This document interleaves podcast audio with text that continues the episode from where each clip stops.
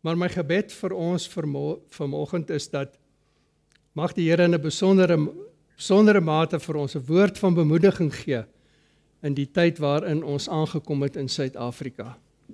Werklik, ek glo ons het dit nodig. Maar voor ek begin, kan ons net die oë vir 'n oomblik toemaak dat ek die diens ook aan ons Vader opdra. Ons Vader, baie dankie dat ons nou vir 'n oomblik mag stil wees.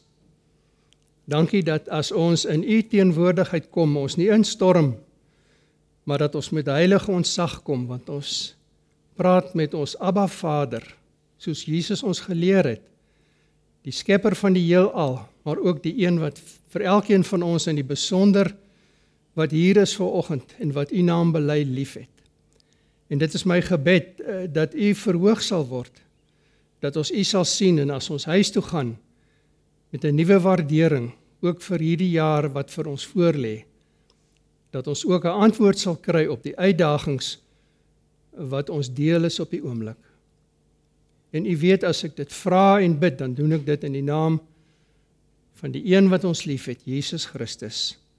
Amen. Samuel kom in Bethlehem aan. Hy moet 'n nuwe koning vir Israel self want Saul wat ongehoorsaam was, het aan die einde van sy koningskap gekom. En dan sê Samuel vir die leiers van Bethlehem, hy bring 'n offer. Hulle moet hulself reinig en Isaai moet al sy seuns bring. Want eh, die Here het 'n nuwe koning uit die seuns gekies. En net so 'n kant aantekening voor ek dit vergeet. Ek was net weer verstom oor die alwetendheid van ons hemelse Vader wat regtig alles van ons weet. En as die eerste seun kom, ek het sy naam hier neergeskryf dat ek dit nie vergeet nie. Dit was Eliab. Dan dink Samuel dit is hy, want dit was 'n mooi man en 'n groot man. Maar dan sê die Here nee. Die mens kyk na die uiterlike maar die Here sien wat diep binne in die mens aangaan. En net weer 'n kant aantekening, dit is 'n tema wat deur die hele Nuwe Testament, eintlik deur die hele hele Bybel gaan. Die Here weet wat binne-in aangaan. En as al sewe seuns dan voor Samuel verskyn het en die een van hulle is die nuwe koning nie, dan vra Samuel is daar nie nog 'n seun nie. En dan sê Isaia, ja, daar's 'n jongeling wat skape oppas. En dan moet die jongeling ook voor hom verskyn. En dan sê die Bybel 1 Samuel 16 Hy was rooierig van aans van aansien, maar hy was 'n mooi man met mooi oë. En so word Dawid dan gesalf as die toekomstige koning van Israel. En as ek nou vir julle vra, waaraan dink julle as julle aan Dawid dink, dan dink ek kan ons almal aan 'n klomp goed dink. Vir my persoonlik Psalm 23 wat ek as kind geleer het, die 53 vertaling. Die Here is my herder. Niks sal my ontbreek nie. Hy laat my neerlê in groenwy velde waar waters waar rus is, lê my heen. Die van ons wat ouer is, ken daardie vertaling. The Lord is my shepherd. I shall not want. Ja, en ek was so aangegryp deur Psalm 23 dat ek dit ook in Duits geleer het. Der Herr is mein Hirte, mir wird's nicht mangeln. 'n woord daar agter wat nie meer algemeen in Duits gebruik word nie. Maar dit is Psalm 23. Maar by al die wonderlike goed van Dawid het hy ook 'n donker kol gehad, 'n donker skaduwee.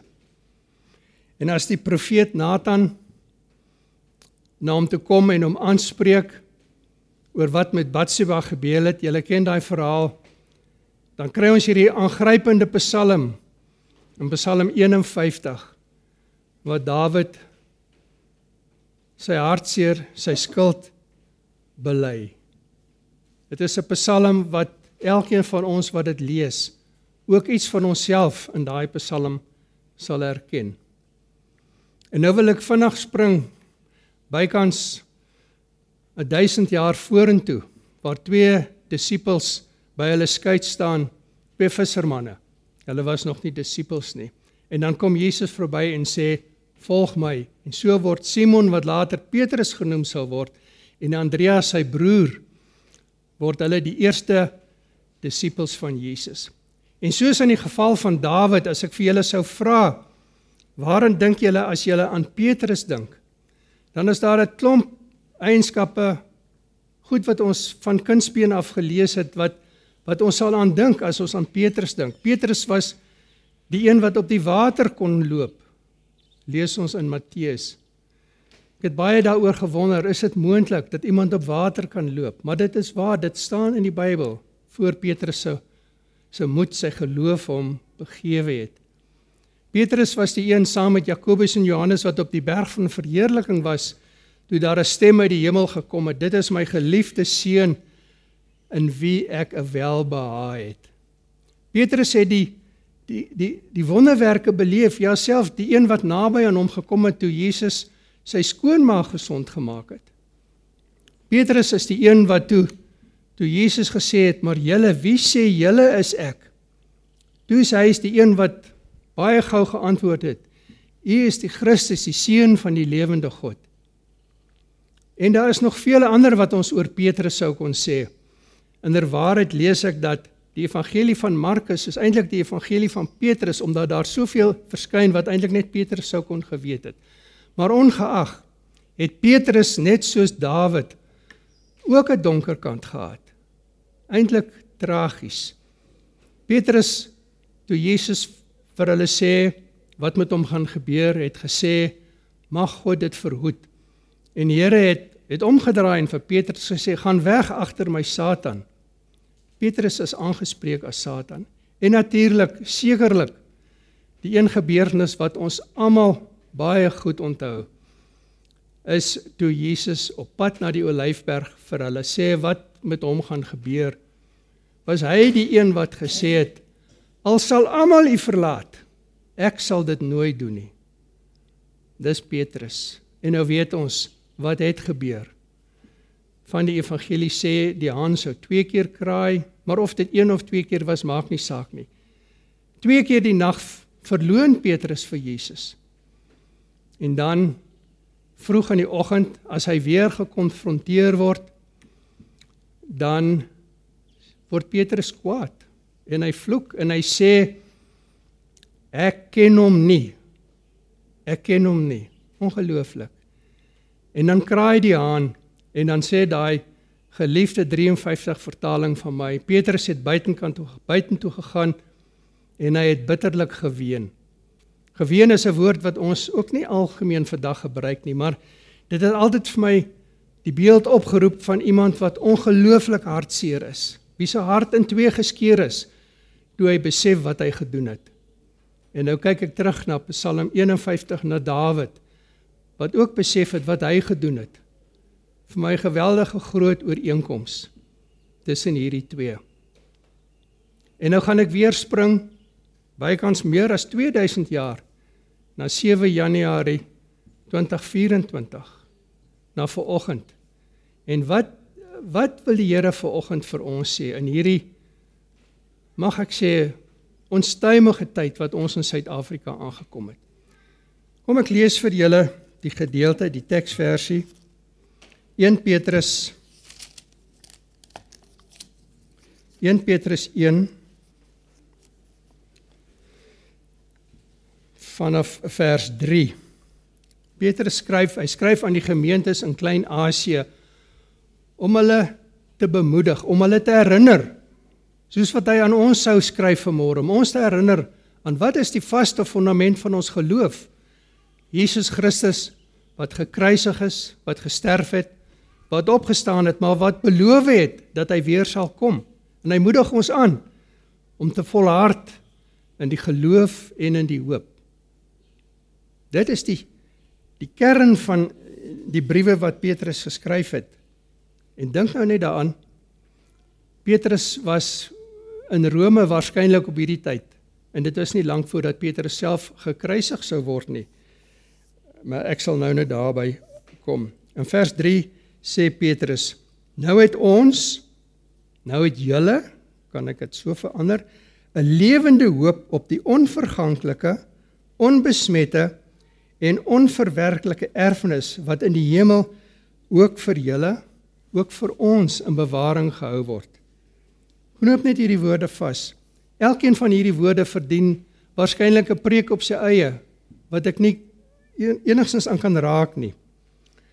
En dan vers 8 en 9.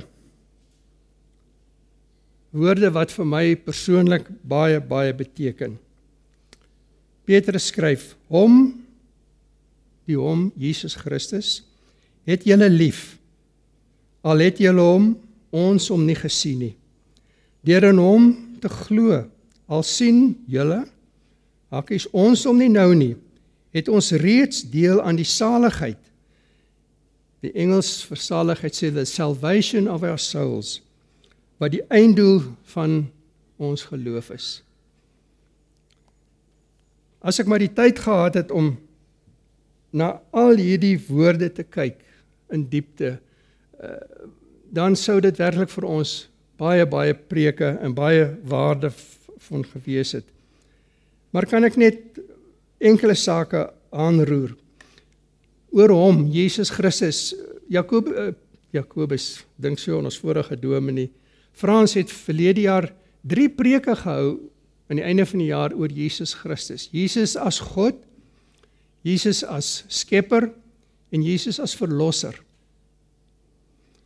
En kan ek net weer vinnige kant aantekening maak, iets wat my geweldig ontstel. In die dag in die tyd wat ons aangebreek het, word Jesus se naam deur hulle wat nie in hom glo nie as 'n stopwoord gebruik. 'n Mens kan amper nie in 'n gesprek en veral in 'n fliek eh, hoor dat mense sê Jesus Christ of Jesus of Christ. So so as 'n as 'n vloekwoord of as 'n stopwoord, 'n woord wat wat vir hulle niks beteken nie. Dit dit gryp my in die hart en dit skeur my hart in twee want dit is so verkeerd. Maar laat dit daarso. Jesus Christus ek wil graag vir julle lees omdat hy soos in sy tyd kontroversieel was, nog steeds vandag uiters kontroversieel was en daar is soveel navorsing geskrifte oor hom geskryf en ek het net en, wat enkele mense oor Jesus sê, wil ek net vir julle lees. Moderne mense vandag 'n Nuwe Testamentiese skoolier A.T. Robinson skryf oor die betroubaarheid van die tekste oor Jesus Christus. Dit gaan oor die betroubaarheid van hierdie boek waaroor ek net nou gaan praat. It makes for the best attested text of any writing in the world, ancient and current. Jesus is considered the supreme example of moral perfection in both his character and teaching. 'n Skeptikus wat eintlik nie veel ooghare vir Jesus het nie, moet erken na sy navorsing oor die leë graf, oor Jesus se opstanding en oorwinning oor die dood, sê die volgende: The silence the silence of history is deafening when it comes to the testimony against the resurrection. J.P. Phillips, 'n ander navorser, sê die volgende: Christ completely abolished death and has now through the gospel opened to us the shining possibility of life that is eternal.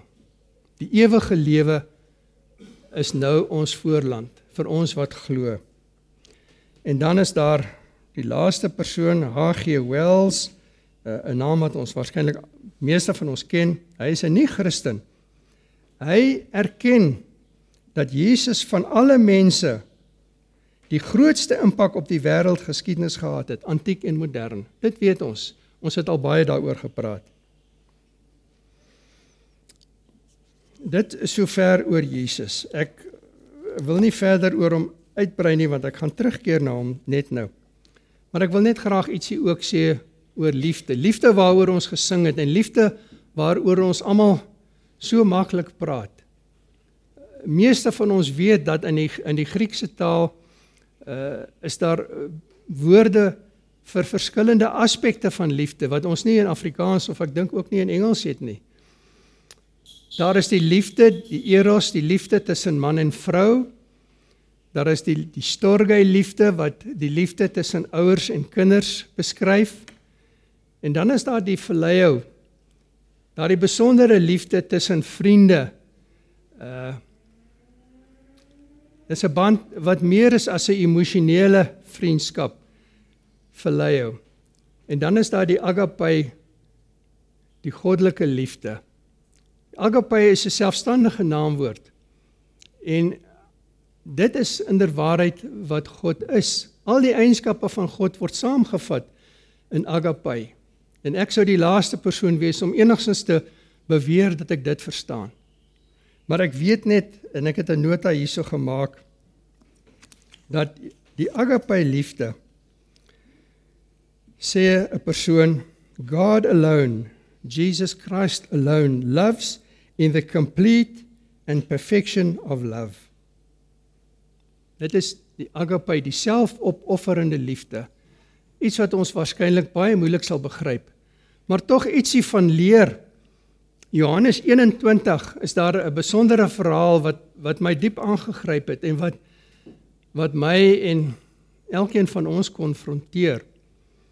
Die vissermanne het na die kruisiging, dit wat gebeur het in Jerusalem teruggekeer na hulle werk van visvang. Dit is nog voor die hemelvaart. Hulle het die nag niks gevang nie, julle ken die verhaal. En dan staan daar 'n man op die kant en as as hulle vir hy vra vir hulle het julle iets gevang, iets om te eet, dan sê hulle nee, ons het niks gevang nie en dan sê hy gooi die net uit aan die regterkant. En dan dan doen hulle dit en dan weet julle dis die die wonderwerk van al die visse wat wat hulle vang. Soveel so dat Petrus sy hemp uitblik en help om die vis aan wal te bring. En dan brand daar 'n vuurtjie en en dan sien hulle dis Jesus, hulle eet ietsie saam, 'n vis. En dan volg daar hierdie wonderlike gesprek, 'n aangrypende gesprek tussen Petrus en Jesus. En Jesus sê vir Petrus: "Simon, seun van Johannes, het jy my baie lief, meer as hulle hier?" En die woord wat Jesus daar gebruik vir lief is agapo. Dit is die werk werkwoordvorm van agape. Petrus verstaan wat die Here sê, maar hy kan net antwoord: "Here, ek het U lief," maar hy gebruik phileo, die broederlike liefde. Dan vra Jesus vir hom 'n tweede keer: "Simon, seun van Johannes, Het jy my baie lief? Weer agapo. En dan antwoord Petrus weer: Ja, Here, ek het U lief, maar weer jou. En as Jesus vir hom die derde keer vra, dan word Petrus hartseer. En dan sê hy: Here, U weet dat ek U liefhet. U weet alles. Want Jesus het nou die derde keer het hy nie meer agapo gebruik nie. Hy het nou maar net verleihou gebruik, die broederlike liefde. En ek dink Petrus moes daaraan gedink het. Jesus vra my 3 keer. Ek het hom 3 keer verloon. Ja, selfs in Getsemane. Ek was verbaas toe ek dit weer lees en tel, het Jesus vir hom en Jakobus en Johannes toe Jesus geworstel het, het Jesus hulle 3 keer kom wakker maak. En as Jesus nou vanmôre voor elkeen van ons sou kom staan. Skalk ek het gesê ek gaan jou naam noem, maar dink maar net daaraan as Jesus vir elkeen van ons sou vra, elkeen van ons Johan, het jy my lief? Het jy my waarlik lief? Verstaan ons wat Jesus vir ons vra? Maar die antwoord het ook bepaalde implikasies. En dan wil ek net vinnig spring na drie ander woorde. Ek wens daar was tyd geweest Maar Johan, jy het gesê jy is haastig, so ons sal die preek nie lank maak nie. Oor genade, oor geloof en oor hoop. Die feit dat ons vanmôre hier sit, dat ons kan getuig van die Here se genade in ons lewe.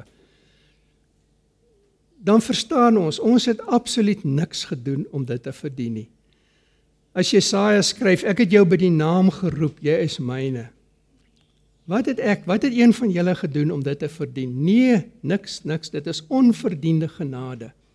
En as ons reageer op hierdie genade met werke, met wat ons ook al wil noem, dan is dit suiwer uit dankbaarheid.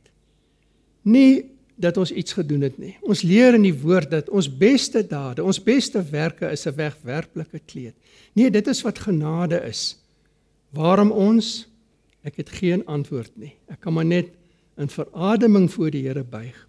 En dieselfde oor geloof. Jesus is die die outeur, die bron van ons geloof. En die Bybel is vol van geloofshelde. Johan, jy het dit vanoggend gelees. Die Hebreërs skrywer veral definieer vir ons geloof die sekere wete wat ons hoop, oortuig van dit wat ons nie kan sien nie. En daardie wonderlike deel wat jy gelees het. Elkeen van ons wat tans besig is met ons eie wedloop met die skare van geloofsgetuies waarvan ons lees in die Bybel wat ons aanmoedig om ons oë gefestig te hou op Jesus die begin maar ook die volëinder van ons geloof.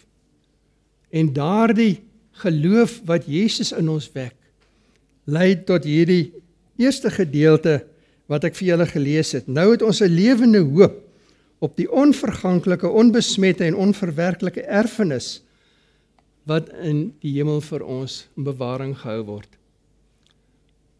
Het ek my tyd gehad om regtig diep te delf in die waarhede van hierdie woorde? Maar laat ek laat ek spring na vanmôre. En iemand sou vir my sê as ek dit nou in Engels kan sê want dit klink baie keer so beter nie ek so lief is vir die Engels nie. But get real. Ons leef in Suid-Afrika vandag met wat rondom ons woed. Ek hoef julle nie en Henry het verlede week daarna verwys. Ek was gister weer so ontstel toe Kamarula nuus lees wat Wat het hier in Pretoria Wes gebeur met die gesin wat 2 uur die nag wakker word en daar is mense in hulle huis wat hulle aangeval het? Ons leef in 'n land wat ek wil nou nie uitbrei oor hulle wat oor ons regeer nie, maar ons almal staan geskok oor wat aangaan en oor die die korrupsie, laat ek dit maar by die naam noem, wat aan die orde van die dag is. Ons ons lees van ons kinders in die skole wat gekonfronteer word met dwelms. Ek het so daaraan gedink toe ek op skool was, was die grootste kriminele die ouetjies wat agter die snoepies, daar waar jy lekker goed gekoop het, uh sigarette gerook het. Dit was die kriminele ouetjies. Dit was die ergste sonde wat daar was. En vandag lees ons van dwelms wat 'n mens laat skrik. Ek het die afgelope tyd gehoor net in Desember maand die aantal tiener swangerskappe wat die hoogte ingeskiet het. 14-jarige kinders wat 'n baba kry. Dit kan tog nie. Dit dit kan tog nie. En dan dan wil ek baie keer iets van 'n wanhoop in myself ervaar. Iets van 'n hooploosheid. As kind het het ons haleluja's geleer en een van die mooiste haleluja's wat ek kan onthou wat as kind vir my niks beteken het nie was gewees uit dieptes gans verlore van redding ver vandaan waar hoop se laaste spore in wanhoop my vergaan. Uit diep van donker nagte roep ek o Here hoor en hoor my jammer klagte wat opstyg tot u oor. Kan jy iets hoor van die nood wat ons vandag het as ons na die Here roep? En as ons ervaar dat ons geloof is miskien nie so sterk soos wat ons dink nie. Dink daaraan dat die disippels het self geworstel met geloof. Op 'n slag het hulle vir Jesus gesê: "Here, gee ons meer geloof." En toe daar 'n storm op die see was en Jesus geslaap het en hulle hom wakker gemaak het en gesê ons vergaan, het hy vir hulle gesê het hy vir ons vanmôre gesê Antipas, waarom is julle bang? het julle dan geen geloof? En daar was 'n man wat sy seun na Jesus toe gebring het. Julle ken die verhale in die Bybel. Die seun was deur 'n bose gees beset en hy het vir Jesus gevra om hom gesond te maak. En toe het Jesus vir hom gesê vir hom wat glo is alles nodig. Glo jy? En hy het waarskynlik 'n oomblik gedink en gesê: "Ja, Here, ek glo. Maar kom my ongeloof te help." Is dit nie iets wat ons vandag ook Dis in elk geval iets wat ek baie keer ervaar dat my geloof my geloof wil wankel as ek sien wat rondom ons gebeur. En dan is daar die vraag vir môre. Die vraag wat ek regtig wil vra en wat ek dankbaar is om te sê, ja, maar ja, maar ja. Daar is 'n wonderlike antwoord op al hierdie vrae, op al hierdie dinge wat gebeur. Ek dink Petrus sou sou ons waarskynlik wou vanoggend herinner want hy was ook daar gewees. Lukas beskryf dit in Lukas 10. Jesus en die disippels kom by Martha en Maria aan huis. Dit is 'n wonderlike verhaal hierdie. Ek hoop julle gaan lees dit weer. Martha is in my interpretasie nou maar in die kombuis besig om te skarrel. Sy het gaste in die huis, hulle moet eet. Dis belangrik. Ja, vir ons Afrikaans sprekendes is dit belangrik om te eet. Maar Maria, haar suster, wat veronderstel was om te help, is nêrens te sien nie. Waar is Maria? En as sy gaan kyk, dan sit Maria nie eers in 'n hoekie nie. Nee. Maria sit aan die voete van Jesus. Aangrypend. Maria het nie net besluit nie. Sy het ook haar besluit uitgevoer deur aan die voete van Jesus te gaan sit. En te luister so asof sy die heel eerste wil hoor wat leer Jesus in daardie oggend. En nou weet ek nou sal iemand wat skepties is sal sê, ja, jy kan maklik praat.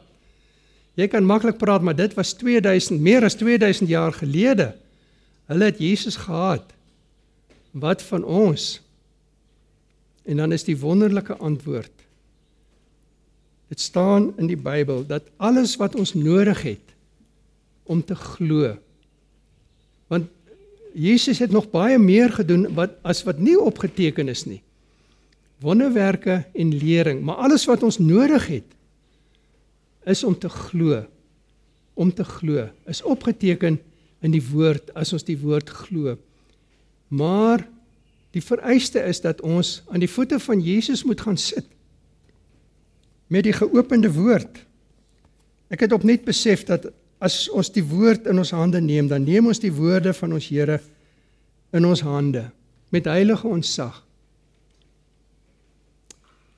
In 1961 was ons vier seuns gewees seuns hoor wat besluit het ons gaan Kaap toe ry loop. En nou sê julle vir my vra, maar was dit nie gevaarlik nie? En nou ja, daai dae het ons nie gedink aan gevaar nie het ons het ons geld gehad. Ek weet nie van die ander 3 nie. Ek kon nie veel gehad het nie want my ma het daardie jaar nie eers R21 gehad om vir die eerste span rugby toer te betaal nie. Waar sou ons slaap?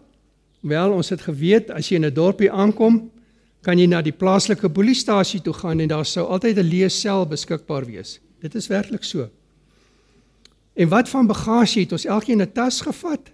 Nee, Ek weet nie of julle weet wat 'n toksak is nie, maar dit is net so groot sak, net so groot waar jy in jou rugby stewels, jou trui, broek en hemp en miskien nog een of twee ander items kon plaas. Dit is al wat ons saamgevat het. Maar vir my interessant en dit gryp my not, nog tot vandag aan die hart. Die Here het ook met my 'n afspraak gehad met daardie toksak. Want die een item wat ek ingepak het, was my 53 vertaling van die Afrikaanse Bybel. Hy was nie so groot nie soos hierdie ouetjie nie. Dit was die normale grootte Bybel. En waarom ek dit onthou? Ek moes omtrent 8 of 9 jaar gewees het in 53. Wel in 53 was ek 8 jaar oud. Voor in die Bybel het ek geskryf met groot letters. Ek kon sien dis 'n ouetjie wat pas ontdek het wat skrif is. En ek het daarin geskryf: Wat sal Jesus daarvan sê? Nou waar ek aan dit gekom het is 'n verhaal vir 'n ander dag. Maar dit het ek daarin geskryf en dit het saamgegaan. En ek en Phil, ons was die twee standaard 9 seuns wat in 61 vir die eerste span gekies was. Ons was seker gedink ons is mynmanne. Ek weet nie ek hoor dis wat vandag die woord gebruik word. Maar ons twee het saam gery loop en ek kan onthou in die middel van die Karoo het ek middel van die pad gaan lê met my oor teen die teer om te luister of daar 'n kar aankom. Toe het ons geëindig in Nysna George al met die tuinroete En toe uiteindelik in Oudtshoorn gekom waar 'n oom van my die bestuurder van die plaaslike hotel was, die Central Hotel. En hy moes daardie Bybel van my gesien het langs langs die bed waarskynlik want hy het die volgende woorde ook voor in die Bybel geskryf. Woorde wat my tot vandag toe aangryp en waarskynlik nie waarskynlik nie met saam met my sal graf toe gaan. Dit was in Engels. Dit het so geklink. Within this sacred volume lies the mystery of mysteries. In hierdie heilige boek, volume, is die geheimenis van alle geheimenisse opgetekenis. En Jesus praat ook van die geheimenis van die koninkryk. Within this sacred volume lies the mystery of mysteries. Happiest they of human race to whom their God has given grace. Gelukkig is die mens aan wie God genade geskenk het. Happiest they of human race to whom their God has given grace. Die genade waarna ek verwys het. To lift the latch to see the way. Om as dit ware die slot oop te sluit en te kyk wat lê agter die deur. En dan was die laaste gedeelte But better had they never been born who read to doubt or read to scorn. Dit sal beter vir jou wees dat jy nooit gebore was nie as jy die inhoud van hierdie woord betwyfel of nog meer met minagting verwerp. Dit is die keuse wat ons het vir môre. Ons kan aan die voete van Jesus sit. Ons kan met die geopende woord vir ons sit. En die woord leer vir ons. Al leermeester wat ons het is die Heilige Gees. Die Heilige Gees sal ons leer en sal ons lei wat ons nodig het. En maak nie saak eh, wat ons vir Jesus sê nie, ons word uitgenooi in der waarheid in die gelykenis van die onregverdige regter. Sê Jesus dat hierdie regter wat geen respek vir vir mens of vir God gehad het nie, sal hy nie uiteindelik moes toegee aan hierdie weduwee wat hom so geplaat nie. Net nou kom sy en klap hom. En dan sê Jesus sou ons hemelse Vader aan sy uitverkorenes, ons wat hom liefhet, sal hy nie gou na ons luister nie. En natuurlik, ons kan aan die voete van Jesus met die geopende woord kan ons ons harte voor hom uitstort. Ek weet net so goed soos julle dat in ons dag daar seker nie een van ons wat bekommer is nie, wat besorg is nie. Want dit is wat Jesus gesê het, Martha, Martha, oor baie dinge is jy bekommer en besorg. Antipas, jy is oor baie dinge bekommer en besorg, maar net een ding is nodig. Nie baie dinge nie, net een ding is nodig. En Maria het die beste deel gekies en dit sal nie van haar weggeneem word nie. En dit is vir môre die keuse wat ons vir môre moet maak aan die voete van Jesus. Ons kan kies. Ons kan kies om met die geopende woord na die stem van die Heilige Gees te luister. En na die voorbeeld van Jesus, nie net die geopende woord woord nie, maar ook in gebed met ons hemelse Vader. Jesus het ons ook dit geleer toe hy gesê het as jy bid sê onsse Vader Jesus het vroeg in die oggende opgestaan en uitgegaan na 'n eensame plek en hy het dit nodig gevind om te bid. Hy het in Getsemane dit nodig gevind om met God te worstel in gebed. Hy wat self God was. Hy wat selfs aan die kruis die eensaamheid ervaar het toe hy uitgeroep het: "My God, my God, waarom het U my verlaat?" So ons kan in die gebed aan die voete van Jesus kan ons dit ervaar. Maar dit is die vereiste. En ek praat nie nou van 'n vinnige lees net om ons gewetes te stil nie. Nee, waarlik tyd spandeer met die geopende woord, die lewende woord. En en hy sal waar ons elkeen 'n kruis het moontlik om te dra, gesondheidsprobleme, finansiële probleme, gesinsprobleme. Ja, egskeidings, noem maar op. Ons mag dit, ons kan dit, ons moet dit ook in hierdie jaar aan die voete van Jesus na hom toe bring. Dit is die vereiste. En kan ek dan net so aan die einde 'n woord van van waarskuwing rig. Henry het verlede week gepraat oor hy wat rondloop soos 'n brullende leeu en Jesus nie alleen wou laat nie. Dink ons vir een oomblik as ons so met 'n geopende woord aan die voete van Jesus in hierdie jaar sit. Dink ons vir een oomblik hy sal ons alleen laat? Verseker nie. En weet julle wat is sy sy grootste aanvalswapen? Wat elkeen van julle op die oomblik glo ek daar by julle het, kan ek julle wys. As ek nie hierdie ding mag weggooi nie. Kan ek julle wys? Hierdie klein kereltjie. Hierdie klein kereltjie is besig om ons lewens oor te neem. Ons was verlede jaar 'n klompie mans, 3 mans met 'n ontbyt. Die ontbyt was bedien. Ons het al hande gevat om te bid. Toe een se telefoon lui. En toe moes ons alles stop, as dit ware, vir die Here sê, Here, nee, wag 'n bietjie. Die selfoon het nou gelyk, hierdie persoon wil eers met wie ook al praat. En as ons dink uh, ons kan die foon net op sag sit, op silent. Dit werk ook nie want hierdie klein kereltjie wat 'n wonderlike instrument is, het nog die vermoë om in jou sak te begin vibreer as jy by die Here is. So ek het geleer eerder as ons regtig glo wat ons glo, as ons na die Here toe gaan, dan sakel ons hierdie foon, skakel hom af. Hy moet sy plek ken. En dit is 'n wonderlike instrument. Ek ek kan nie glo as ek 'n paar knoppies hier druk, dan kan ek met my seun in Londen praat. Ja, ek kan 'n paar ander knoppies druk en dan kan ek sien wat met my bankstate aangaan. En dan op 'n ligte noot, dan sal ek ook soos Lukas Marie sê, ek kan ek sal kan doen met 'n miljoen. Ja. Vriende, as ons huis toe gaan, as ons 2024 in die oë kyk, laat ons onthou Daar is 'n antwoord. Maar die antwoord is dat ons soos Maria moet kies om elke dag aan die voete van Jesus te gaan sit. Om ons diepste hartsbegeertes aan hom bekend te maak. En dan weet ons, dan het hy beloof want ons glo sy woord. Die sy vrede, die vrede van God wat alle verstand te bowe gaan, sal ons deel wees. Jy is dit wat jy nou die dag by die bid hier gebid het. Dit sal ons deel wees. En dit is die uitdaging vir 2024 en ek mag ek hoop dat ons elkeen opnuut as ons huis toe gaan hieroor sal dink en dat ons aan die voete van Jesus sal gaan sit. En dit is my gebed vir myself en vir elkeen van julle dat dat ons Vader se liefde, Jesus se teenwoordigheid en die Heilige Gees wat in elkeen van ons wat sy naam bely is en wat ons sal leer, mag hy ons deel wees elke dag van hierdie jaar tot hy ons kom haal. Amen.